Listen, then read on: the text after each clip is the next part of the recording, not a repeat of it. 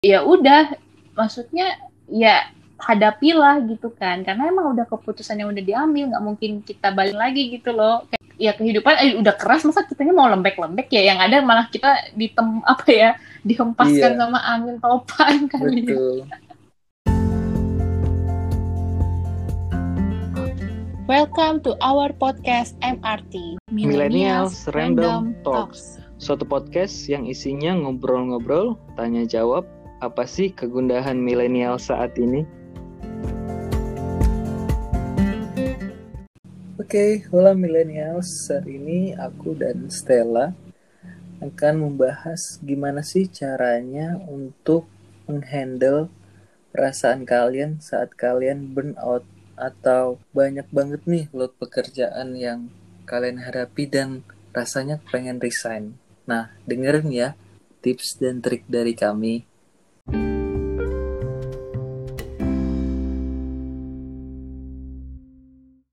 Nah, ini juga nih perlu kita Apa bahas? Tel. Gimana sih caranya bertahan di pekerjaan pertama karena agak sulit memang istilahnya transformasinya dari dunia kuliah ke dunia kerja. Hmm, iya iya. Mungkin kalau aku kemarin perusahaan pertamaku kemarin itu menjadi perusahaan kedua, mungkin aku bisa bertahan Mm-mm. Karena aku udah mendapat pengalaman di tempat lain untuk bagaimana caranya bertahan di uh, tempat kerja. Kita kan kalau baru dapat kerja terus nggak sesuai dengan keinginan Resign. kita, waduh, Pik- pikirannya iya, resign. pikirannya pendek pikirannya ya. Resign. Tuh hadapin hadapin tantangan Iya, begitu. mentalnya tuh kurang tangguh, kurang uh gitu kayak kurang Nah, kuat. gimana caranya Stel? Kamu kan ini masih di perusahaan Wow. banget nih. Kamu lulus, terus kamu masih stay Iya, di tahun ketiga. Tuhan ya. Nah, pada saat kamu menghadapi masa-masa Mhm. itu Stel, dilema antara lanjut atau udah. Aduh, kayak Iya. hubungan aja nih mau dilanjutin, uh, mau udahan ya, gantung soalnya. Oke, balik intermezzo. Kan pasti kamu pernah ada di puncak di titik itu. Iya, Nah, kamu kan udah eh, Mm. tahun ketiga nih, Stel, di perusahaanmu sekarang. Dan itu adalah perusahaan pertamamu sejak Mm-mm. lulus kuliah. Pada saat kamu mencapai titik-titik puncak itu, apa yang kamu apa yang kamu lakukan, Stel, untuk istilahnya menghandle perasaan itu? Hmm, oke. Let me think. Jadi aku tuh emang pernah sih ada di fase yang ngerasa jenuh banget sama pekerjaan aku. Karena mungkin efek apa ya? Perasaan juga, terus mungkin ngelihat kiri kanan penting banget sih. Kalau kita sering-sering ngelihat ke tetangga rumput Rumput lebih tetangga selalu hijau, lebih mungkin hijau. kayak membandingkan. Iya, kita membandingkan diri kita dengan orang lain gitu. Mungkin ada orang yang kayak kerjanya tuh kayaknya se- seakan-akan selalu happy, bisa keluar ke- traveling gitu. jalan-jalan terus. Nah, Mm-mm. Aku emang ada pernah di fase yang seperti itu. Makanya aku kayak eh, pengen kepikiran itu apa gue resign aja kali ya gitu. Dan aku kayak udah mulai nge-apply apply lamaran ke tempat lain gitu loh. Nah, tapi di satu titik juga aku ngerasa eh, gini, em, kayaknya aku nggak boleh nggak boleh membandingkan diri aku dengan orang lain gitu, pekerjaanku dengan orang lain gitu. Mungkin ya memang si orang itu yang terlihatnya seneng dengan happy-happy aja tuh dengan pekerjaannya, tapi dia punya beban sendiri juga yang nggak mungkin dia kasih tahu ke orang dunia luar gitu loh. Dan aku pun sama di sini pun aku punya beban kerja juga gitu. Dan aku nggak boleh melihat ke dunia luar gitu loh, maksudnya melihat uh, situasi luar terus membandingkannya dengan diri aku, ya itu sama sekali nggak fair gitu kan, maksudnya jadi bikin akunya uh, nggak bersyukur juga dan mikir akunya yang berasa selalu kekurangan gitu loh. Kayak aku harusnya bisa nih lebih dari yang ini gitu loh. Jadi kayak bikin diri aku tuh uh, ingin lebih aja gitu. Dan aku gini sih jadinya um, tiga tahun bekerja aku mulai apa ya mungkin mulai perlahan-lahan pola pikirnya ada yang berbeda gitu. Jadi um, it's okay kamu nggak memang ngerasa jenuh sama pekerjaan kamu itu memang ada fase-fasenya istilahnya kayak burnout ya Betul, bahasa burnout. ininya. Mm-mm, karena mungkin kan um, pekerjaannya rutinitas yang di mana kita tahu kalau rutinitas selalu dilakuin berulang pasti kita ada uh, di titik di mana ngerasa jenuh, bosen kayak gitu-gitu mm. aja, nggak ada challenge, nggak ada ngerasa pembelajaran kayak grow uh, eh, self developmentnya lah ya istilahnya. Nah jadi tuh aku langsung kayak ngerasa hmm, kayaknya di diri aku nih yang harus nge-challenge nge-challenge bikin challenge sendiri gitu. Nah uh, sampai tibalah di saatnya. Jadi kebetulan di kantor aku itu uh, kita tuh ada uh, bentuk rotasi pekerjaan gitu kan. Jadi di tahun kedua apa ketiga ya mm-hmm. oh, di tahun ketiga di tahun ketiga aku tuh rotasi pekerjaan gitu kan karena waktu itu pas dinilai di akhir tahun kan ditanya kamu tuh maunya uh, mau nggak ditaw- ditawarin mau nggak dipindahin ke divisi ini kayak gitu-gitu. Karena mungkin aku emang udah ngerasa bosan di di uh, pekerjaan aku di job desknya aku yang sebelumnya itu kan. Terus aku pikir kayaknya kalau misalnya aku nggak bisa bertumbuh belajar hal yang baru aku mendingan cabut deh dari kantor ini. Tapi ketik kalau misalnya aku dapet uh, dikasih role yang baru aku masih mau stay di situ. Maksudnya itu sempat aku kayak bawa dalam doa gitu sih. Karena aku emang galau juga posisinya kayak antara ingin resign atau aku mau milih untuk stay di kantor yang pertama ini gitu. Okay. sampai ketika uh, iya aku berdoa terus ya udah pas waktu itu juga pas penilaian di akhir tahun bos aku nanya kamu Stella mau nggak dipindahin ke bagian ini? Gitu. Dan aku ngerasa kayaknya aku di tempat ini bisa lebih banyak tahu belajar hal yang baru gitu. Jadi aku nggak ngerasa bosan gitu. Karena aku mungkin anaknya juga ngerasa bosan jenuh gitu kan kayak uh, udah tahu tapi terus ya udah kayak gitu aja gitu loh. Ada kan orang tipikal ya gue udah udah tahu nih tapi ya akan bosan aja ngelakuin hal itu terus menerus jadi aku ya minta ke bos aku saya mau sih pak kalau misalnya ditaruh di tempat uh, rotasi pekerjaan yang ini gitu. Yang lebih men-challenge aku gitu buat aku lebih belajar hal yang baru. Dan puji Tuhannya sih maksudnya di tahun ketiga ini di role pekerjaan aku yang baru itu ya aku banyak belajar hal yang baru sih. Banyak dikasih tanggung jawab yang baru dari yang sebelumnya gitu. Jadi aku makin ke sini tuh makin ngerasa diri aku tuh kecil banget ya ternyata. Kayak kemarin kayaknya aku sombong banget deh. Kayak merasa udah tahu banyak terus aku pengen resign gitu. Terus pas nanti aku resign aku nggak tahu apa-apa di kantor yang baru. Mati nggak?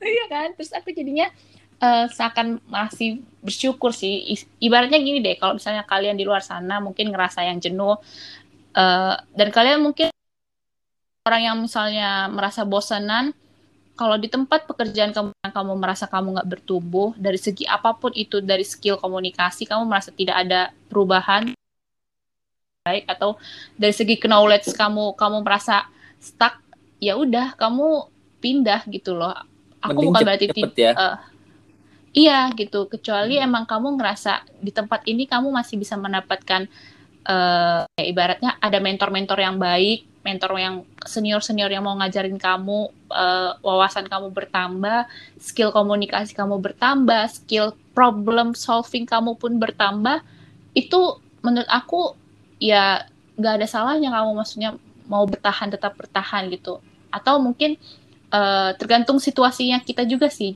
Kalau kamu emang butuh penghasilan yang gede, tapi di tempat yang sekarang nggak bisa ngasih kamu benefitnya seperti itu ya udah it's okay kamu cari yang keluar gitu kan.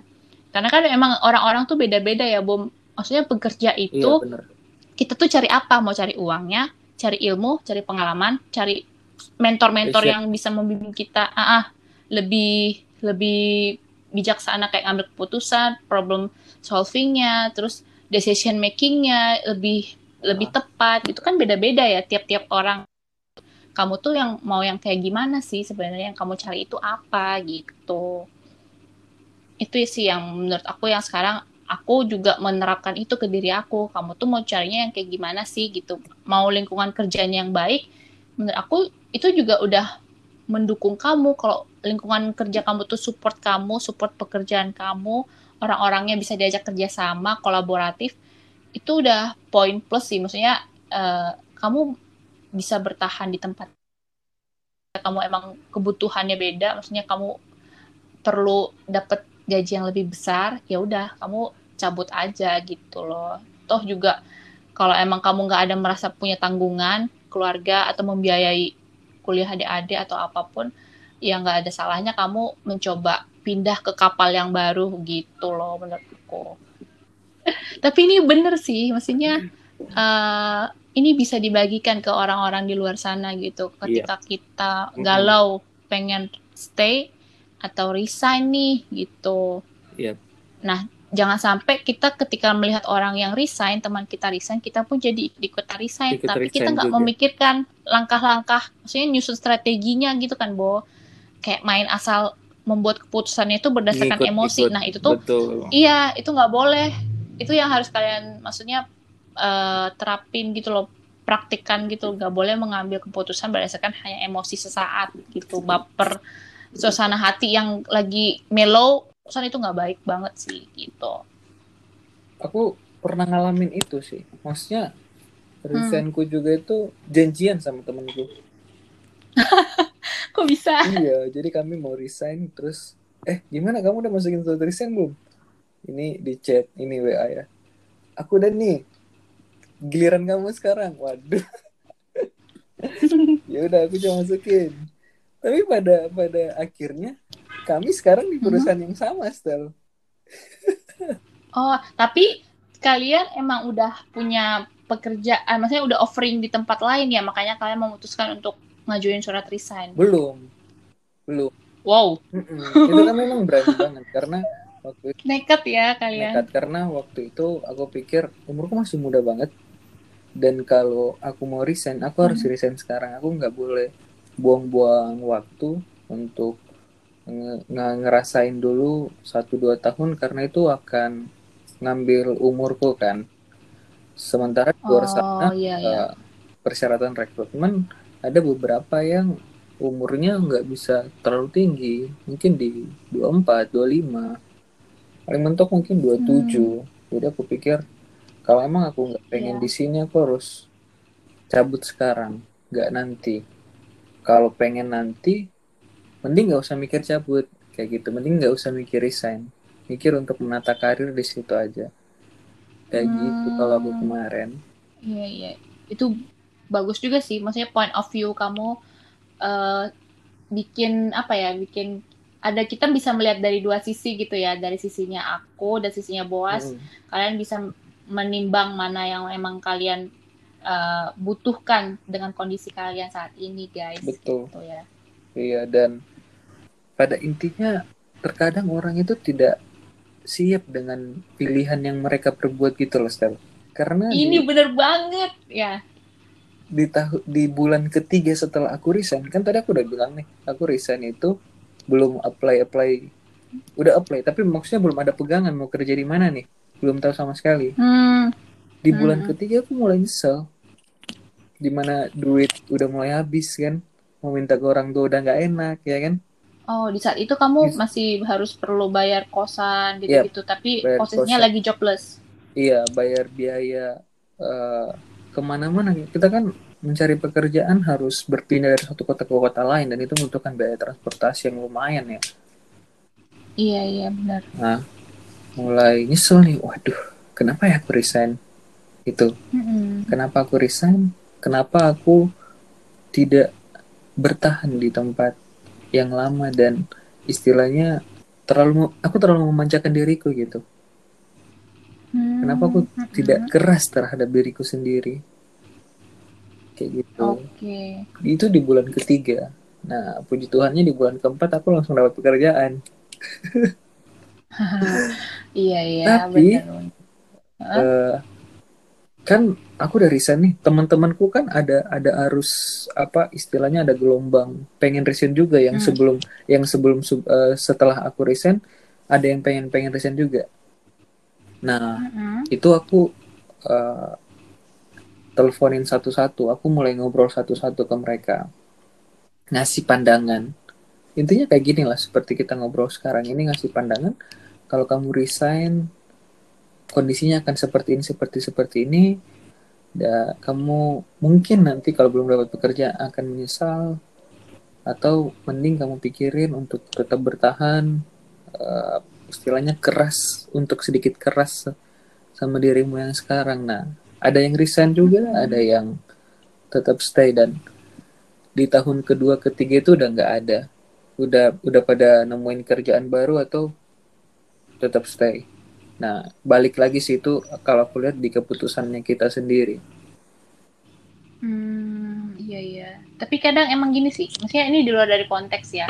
Hmm. uh, terkadang tuh emang kita uh, susah ketika kita mengambil keputusan tapi kita tuh susah untuk komit menjalaninya gitu loh. Kadang di tengah jalan tuh kita ngerasa kayak aduh yakin nggak ya ternyata yang udah kita ambil keputusan ini tuh takutnya menyesal di kemudian hari kan. Tapi ibaratnya kalau ketika kita udah mengambil keputusan pun kita harus siap dengan konsekuensinya kan sebenarnya. Ya kalau Betul. emang jalannya harus banyak lubang-lubang ya udah maksudnya ya hadapilah gitu kan. Karena emang udah keputusan yang udah diambil nggak mungkin kita balik lagi gitu loh. Kayak ditelan lagi. Terus itu ibaratnya kayak kurang ini aja tuh maksudnya jiwa apa ya jiwa survive-nya kita maksudnya jangan dimanja-manjain banget lah diri sendiri hmm. gitu kan kalau emang kamu udah ngerasa siap dengan dunia luar ibaratnya ini kamu udah merasa gue udah dewasa nih gitu nah kalau orang dewasa sendiri pun ketika ngambil keputusan dia nggak akan apa ya ibaratnya nggak akan ya tiba-tiba di tengah jalan kayak mau ngeluh gitu-gitu kan. Karena kan dia udah tahu sebenarnya konsekuensinya udah dipikirkan matang-matang dong ketika ngambil keputusan seperti itu. Iya.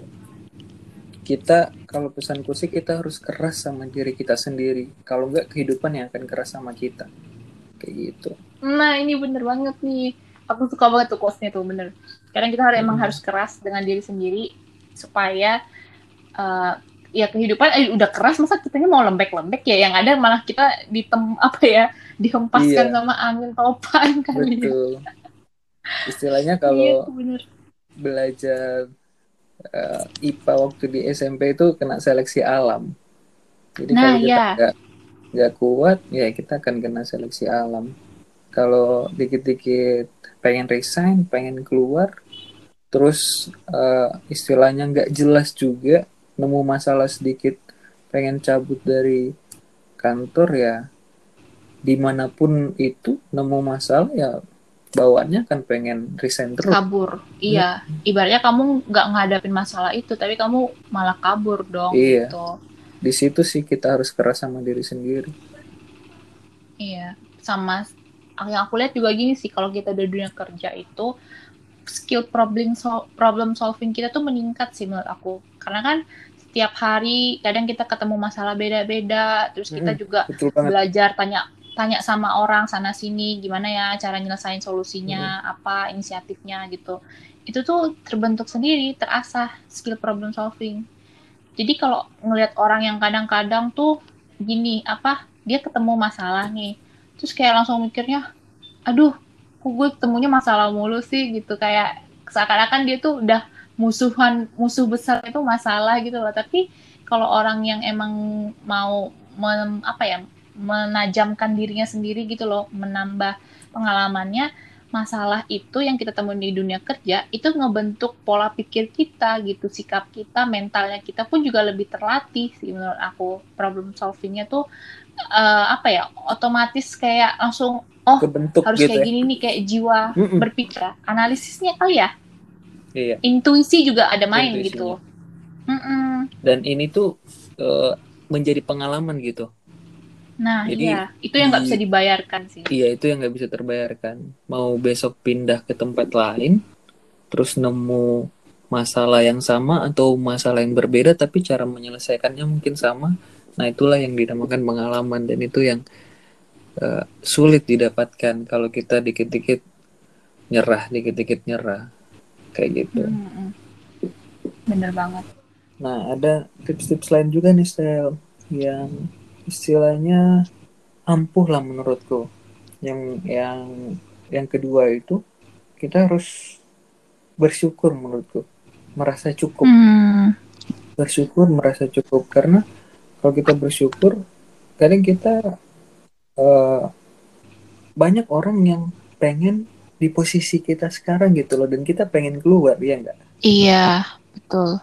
Banyak orang pengen di posisi yang kita punya sekarang sedangkan kita pengen keluar. Nah mm -hmm. itu poinnya kita harus bersyukur sih bersyukur apa yang kita dapatin sekarang. Kurang-kurangin lihat keluar. Kurang-kurangin compare dengan uh, perusahaan lain atau teman yang lain. Karena itu berpengaruh banget emang itu toksik banget. Wah dia bagus banget nih. Iya. Gue kayak gini-gini aja nih. Nah tapi kalau kita melihat posisi orang di luar sana yang belum mempunyai pekerjaan dan sangat menginginkan apa yang kita punya. duduki mm -hmm. sekarang apa yang kita punya sekarang oh itu pasti kita langsung ini nih. Wah nggak usah dia berisen ya. Itu itu itu tips kedua dari aku sih. Kalau kalian pengen tetap bertahan di suatu perusahaan pada saat mulai uh, burn out mm -hmm. ya. Nah yang yang ketiga itu mungkin ya refreshing lah ya. Ambil liburan. Kayak kamu kemarin balik rumah ya ya. Yeah. Kayaknya penting juga. Si pinter-pinter kita juga sih kalau memang kerjaannya itu yang kayak sales yang penuh dengan tuntutan harus apa tuh closing ya biasanya. Itu kan biasa kadang banget. Jadi ketika kamu mungkin udah lewat masa-masa itu atau udah achieve sesuai targetnya kamu ingin memberikan refreshing sejenak buat diri kamu itu ya balik lagi pinter-pinternya kita mengelola stresnya itu sih sebenarnya. Dengan cara refreshing kah atau melakukan kegiatan hobi kah gitu hobi. ya mm -mm. olahraga mungkin buat melepaskan stres Olahraga Jadi sebenarnya pinter-pinter kita ya, Boh, untuk menghandle stres burnout di pekerjaan. Tapi kalau misalnya emang ngerasa uh, ini aku punya teman sih juga. Jadi dia tuh emang udah stres banget tuh sama kerjaannya. Jadi kayak dia ngerasa udah bukan dirinya banget tuh, jadi kayak toxic. Dia dia menganggap dirinya tuh pikirannya banget terus itu udah emang selalu serba menuntut dia harus lebih lebih lebih lebih gitu loh. Intinya selalu nggak ada kata cukup gitu loh di dalam pekerjaannya. Jadi emang udah teman aku tuh udah ngerasa uh, wah kayaknya udah nggak bisa nih dilanjutin lagi di sini. Jadi dia memilih untuk keluar.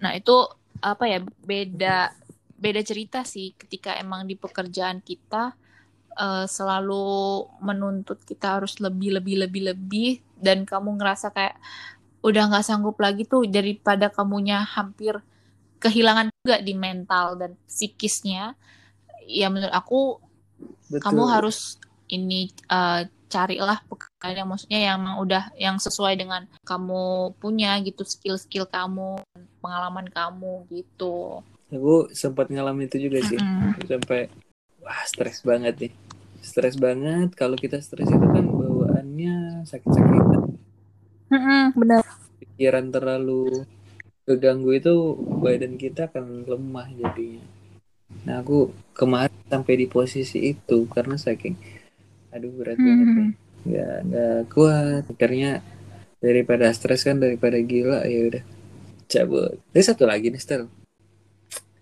Aku pengen share satu Stel, satu tip tips lagi nih gimana caranya bertahan. Tapi ini rada konyol sih. Jadi kalau kita lagi burnout, pengen mm -hmm. resign, uh, untuk mengantisipasi resign itu kita ambil tanggung jawab. Contoh, uh -uh. menikah. itu solusi. Aku nggak yakin tuh jadi beban deh. Menurutku itu solusi karena pada saat kamu di suatu hubungan rumah tangga, kamu bakal mikir banget untuk untuk keluar gitu kan untuk resign dari pekerjaan aduh ada yang harus ini aku nih, biayai aku ya nih kayak gitu tanggungan mm -mm. jadi mungkin kerja dua tahun tiga tahun kalau emang udah bisa maju aja ke tanggung jawab selanjutnya itu dunia pernikahan karena kalau aku cewek biasanya aku mah nunggunya dinikahin sih, Bo. Oh iya. Ini kalau cowok yang ini, harus mengambil tanggung jawab lebih. Mm -mm, tips buat cowok lebih tepatnya style ya. Aku, aku koreksi nih ya. Tips buat cowok. Masuklah ke dunia pernikahan karena kalian nggak bakal mikirin resign resign lagi tuh. Udah di sini aja. Aku harus hmm. membiayain keluargaku. Tapi ini beda, maksudnya kalau misalnya memang kalian di luar sana yang emang pikirannya mau resign terus cobalah menikah. Tapi pastikan dulu ya kalian itu udah punya dana yang cukup buat memberi nafkah untuk istri gitu kan. Kan kan nggak main-main juga ya kalau misalnya kita nikah terus ada apa ya ibaratnya bukan buat diri kita sendiri lagi itu iya. uh, penghasilan yang kita terima. Tapi kan ada ada orang lain kan di dalam uh, rumah tangga itu. Dan itu yang kayak jadi jadi apa ya tanggungan gitu loh. Kayak seakan-akan kamu udah mengambil mengambil tanggung jawab baru lagi nih ketika kamu menikahi anak orang. Ada yang harus dihidupin kan. Jadi iya. mikirin resign itu uh, aku jamin lah nggak mikirin mikirin lagi kecuali tabungan banyak ya. Iya. Kecuali orang tua masih orang kasih masih bulanan. ini, ya, gitu ya. ini konyol banget sih iya. ide kamu. Tadi tadi aku mikir juga ah ini ide, ide konyol sih tapi ada benernya juga. Atau mungkin ngambil tanggung jawab itu contohnya kayak cicilan. Hmm gitu. ya cicilan rumah. rumah KPR iya. Itu bagus juga tuh. Jadi ya, benar. di endingnya kamu dapetin rumah dan uh, plusnya satu lagi kamu bisa bertahan di tempat kerjamu karena aduh ada yang harus aku bayar nih ada tanggung jawab baru nih yang harus aku ini. Mungkin solusi itu lebih tepat buat cewek sama cowok Stella.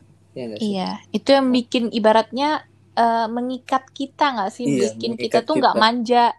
Jadi iya. kayak bikin lebih lebih keras pada harus, diri kita sendiri uh, dan uh, produktif juga bisa dibilang produktif karena uh, aset itu naik terus kan nilainya kalau ini uh, rumah oh, beli properti ya betul. Bukan suatu hal yang uh, konsumtif. Jadi bagus hmm. juga menjadi ini. Iya. Suatu ibaratnya pasti gini kan ya kalau kamu ngambil properti kamu akan memikirkan gimana caranya untuk melunasi cicilan-cicilan itu mm -hmm. kan. Setelah DP pasti ada cicilan, ada cicilan. setiap bulan. Dan itu panjang kamu akan waktunya dong. Iya. Hmm. ya resign boleh asal udah ada yang ini udah ada yang terima iya kan jangan jangan nekat kayak aku tadi dong jangan nekat kayak iya. pengalaman yeah. belum ada yang terima terus uh, resign nah, itu parah banget sih benar, nah, tapi balik lagi kita keputusan ya di kita masing-masing dan setiap keputusan yang kita ambil harus siap untuk menjalaninya. Hmm, benar-benar gitu waduh banyak banget setelah yang kita bahas malam hari ini